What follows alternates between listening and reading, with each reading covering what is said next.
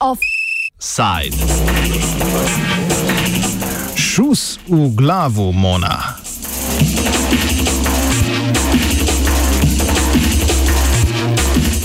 Nedeljske volitve v Kataloniji so ponovno nagnile razmerje moči proti strankam, ki zagovarjajo neodvisnost. Separatistične stranke so na regionalnih volitvah povečale svojo parlamentarno večino. Katalonska republikanska levica je osvojila 33 sedežev, stranke skupaj za Katalonijo 32, leva stranka Kup pa 9 sedežev. Toda največ glasov je odnesla vladajoča stranka v državi, katalonska socialistična stranka, in si tako priborila 33 poslanskih mest v 135 članskem parlamentu. Po drugi strani je stranka Ciudadanos, zmagovalka prejšnjih volitev, ki so bile leta 2017, zdrsnila na sedmo mesto in osvojila zgolj šest poslanskih mest. Politolog z Univerze UNET v Madridu, Jose Javier Olivas Osuna, nam razloži, kaj to pomeni za katalonsko politiko. Most uh, relevant thing was the, basically uh, on the on the constitutionalist bloc. Uh, this is uh, this, the parties that are not in favor of independence. So we see a replacement of, as main party in opposition uh, from Ciudadanos, used to be center left liberal party, was uh, lost most of its support, and now is the Socialist uh, Party of Catalonia, the one who who actually won the elections in a in number of votes, and it will become most likely the first party in opposition the first party in opposition because the independence uh, secessionist bloc uh, again won the elections. Um, and here in that bloc, we also see the replacement of the, the first party. So this time, Esquerra Republicana de Catalunya is uh, Republican uh, left.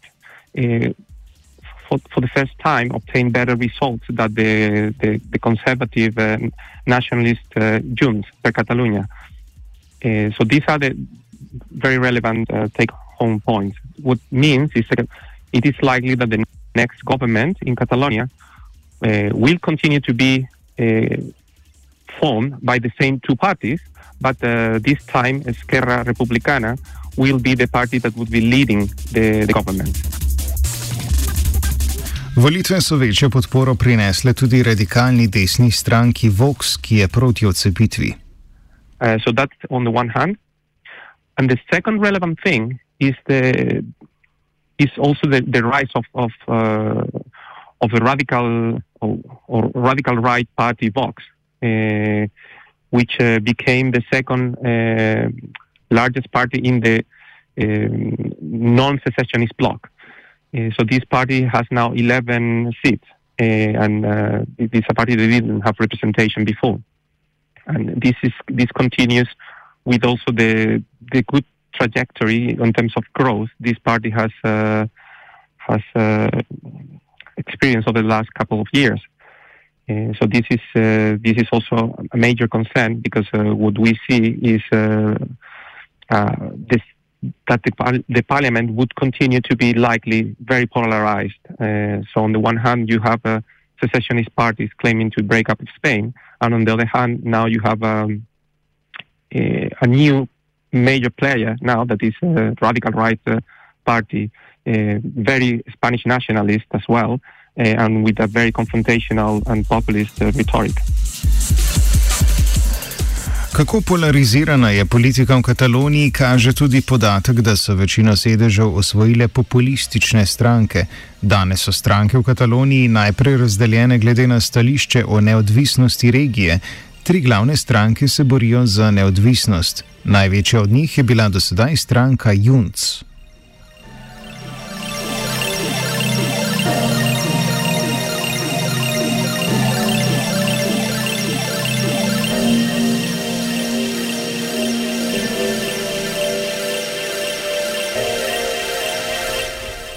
Pardon.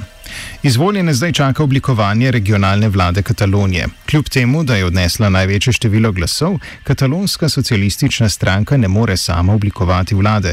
Osuna meni, da bodo koalicijo oblikovale glavne separatistične stranke. The Socialist Party won't be able to form a government. In Catalonia, you need to understand the, the, the, the politics are are uh, div divided not into left or right, but mostly into uh, secessionist and non-secessionist, or nationalist and non-nationalist. So the Socialist Party, although, although they got uh, more votes than the other parties, they don't have a capacity to form a, a coalition government because uh, the, all the parties in the secessionist bloc, the nationalists, they would never uh, enter government or coalition with the socialists. They they all signed an agreement before the a few days before the election. Um, in which they signed and they, they that they would not discuss with the Socialist Party being part of of of, uh, of any coalition with them. So, I mean, I'm not sure whether in uh, I mean, there's always a possibility mathematically they could do it, but uh, the most likely scenario is that the secessionist parties again they would all uh, team up together to to to keep the because they, they, they all add up as a majority a majority and they would keep uh, the government as a secessionist, as it has been over the last few years. So the socialists, although they won, and it's a good result for them in terms of votes, they re- regain much of the support that they had lost over the last elections, the regional elections. Uh, they most likely will remain the first party in the opposition. Kako polarizirana je politika v Kataloniji, kaže tudi podatek, da so večino sedežev osvojile populistične stranke. Danes so stranke v Kataloniji najprej razdeljene glede na stališče o neodvisnosti regije. Tri glavne stranke se borijo za neodvisnost. Največja od njih je bila dostaj stranka Junts. Uh, there, in the secessionist bloc, there are three major parties. So the first party traditionally was Junts per Catalonia. That uh, is a party was not pro-independence until recently, until a few years ago. It's a conservative uh, uh, party.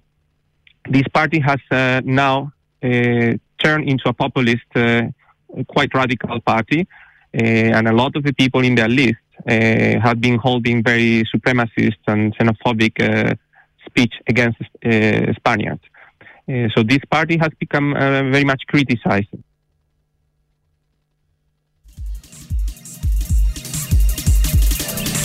Od separatističnih strank je letos največ glasov dobila katalonska republikanska levica, ki je po mnenju Osune bolj nacionalna kot levičarska. Traditionally, the biggest nationalist party in Catalonia is now the second uh, biggest nationalist party in Catalonia. The first one now is Esquerra Republicana Catalonia. So that party is a party has always been pro-independence, pro-secession. Uh, that party is, although it's termed to be a left-wing party, uh, is more mostly a nationalist party. It's not uh, the, the, left component is not so prominent. That's the reason why, even though the Socialist Party and them could form a government coalition, they they most likely won't because in reality, left is more nominal than in reality. The main priority is to create a new independent a new an independent state, and actually, uh, many people in their party have been always talking about uh, stopping redistribution towards to, towards other parts of Spain or uh, claiming that Spain steals from them. So having a discourse that has been sometimes even similar to the discourse of Lega Nord in Italy or other parties that are mostly nationalist than, than, than left in spirit. So, but still is more left than than than uh, Junts. It's also a party that holds a very strong populist rhetoric as well. Neodvisna republikanska levica ter desno-sredinska stranka Junts sta septembra lani pozvali k novim volitvam, potem ko je špansko sodstvo regionalnega predsednika Kuima Toro začasno odstavilo z položaja. Ta ukrep ga je doletel zato, ker ni hotel odstraniti simbolov v podporo neodvisnosti z javnih stavb.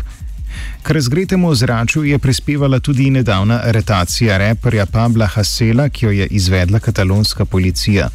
Obtožnica ga bremeni podpiranja terorističnih gibanj in žaljenja španske krone. V odgovor na aretacijo pa so v Barceloni izbruhnili protesti z zahtevami po Hasilovi izpustitvi. Njegovi podporniki se sklicujejo na svobodo govora. Oblasti pa mu med drugim očitajo, da je v svojih besedilih in tvitih govoril, da bi bilo treba nekatere politike ustreliti v glavo. Kot kaže, kralj ni največji oboževalec gangsta repa, mi pa raje nadaljujemo z volilno situacijo.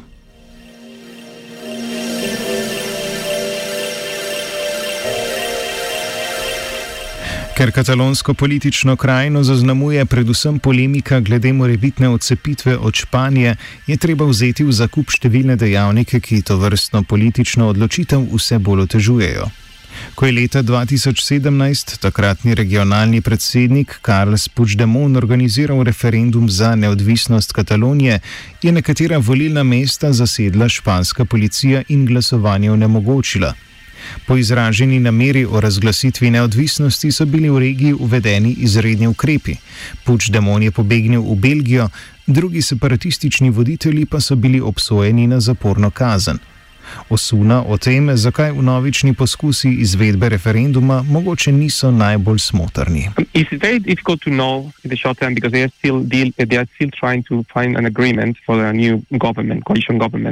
So the most likely scenario is that Esquerra Republicana would lead a new nationalist government, and what that means is the situation will be similar than we had in the last few years. The government would continue to use all in all the instruments uh, they they can to to continue working for independence. So they will continue the campaigns to, to promote the, the sense uh, that uh, Spain is a oppressing state. They will continue to try to burn the bridges between Spain and, and Catalonia.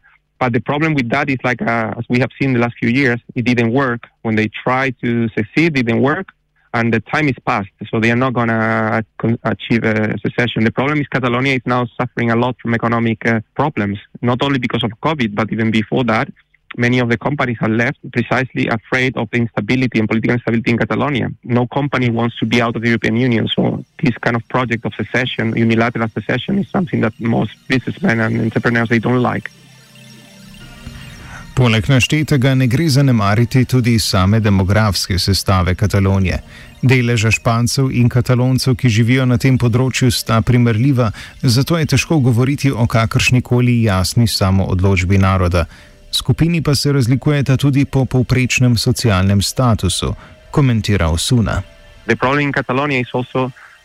Society is very deeply divided. One of the things you need to understand as well about the results of the elections is there are two blocks. The blocks are not moving. It's the same, and, and the blocks are not marked by left or right politics. Basically, it's marked by uh, national identity.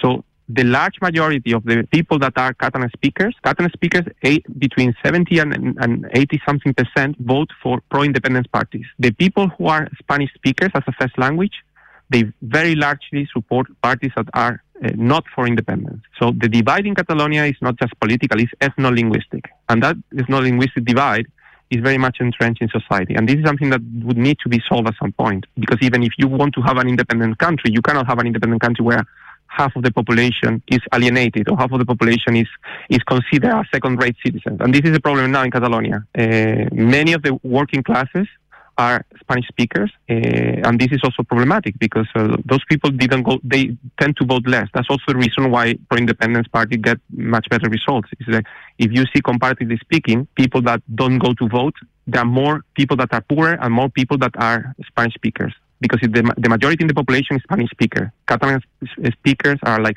37% or 38%, while Spanish speakers are 47, 48%. Uh, then there are speakers of other languages. But these people are in, in general with a worse socioeconomic status in general, average. They are poorer. Uh, and they participate less in institutions and in political life than, than the, the Catalan speakers and the pro-independent nationalistic.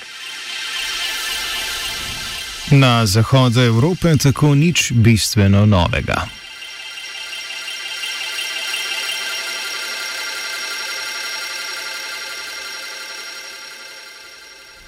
V offside je namerila vajenka Selma, streljal je svetina. Oh.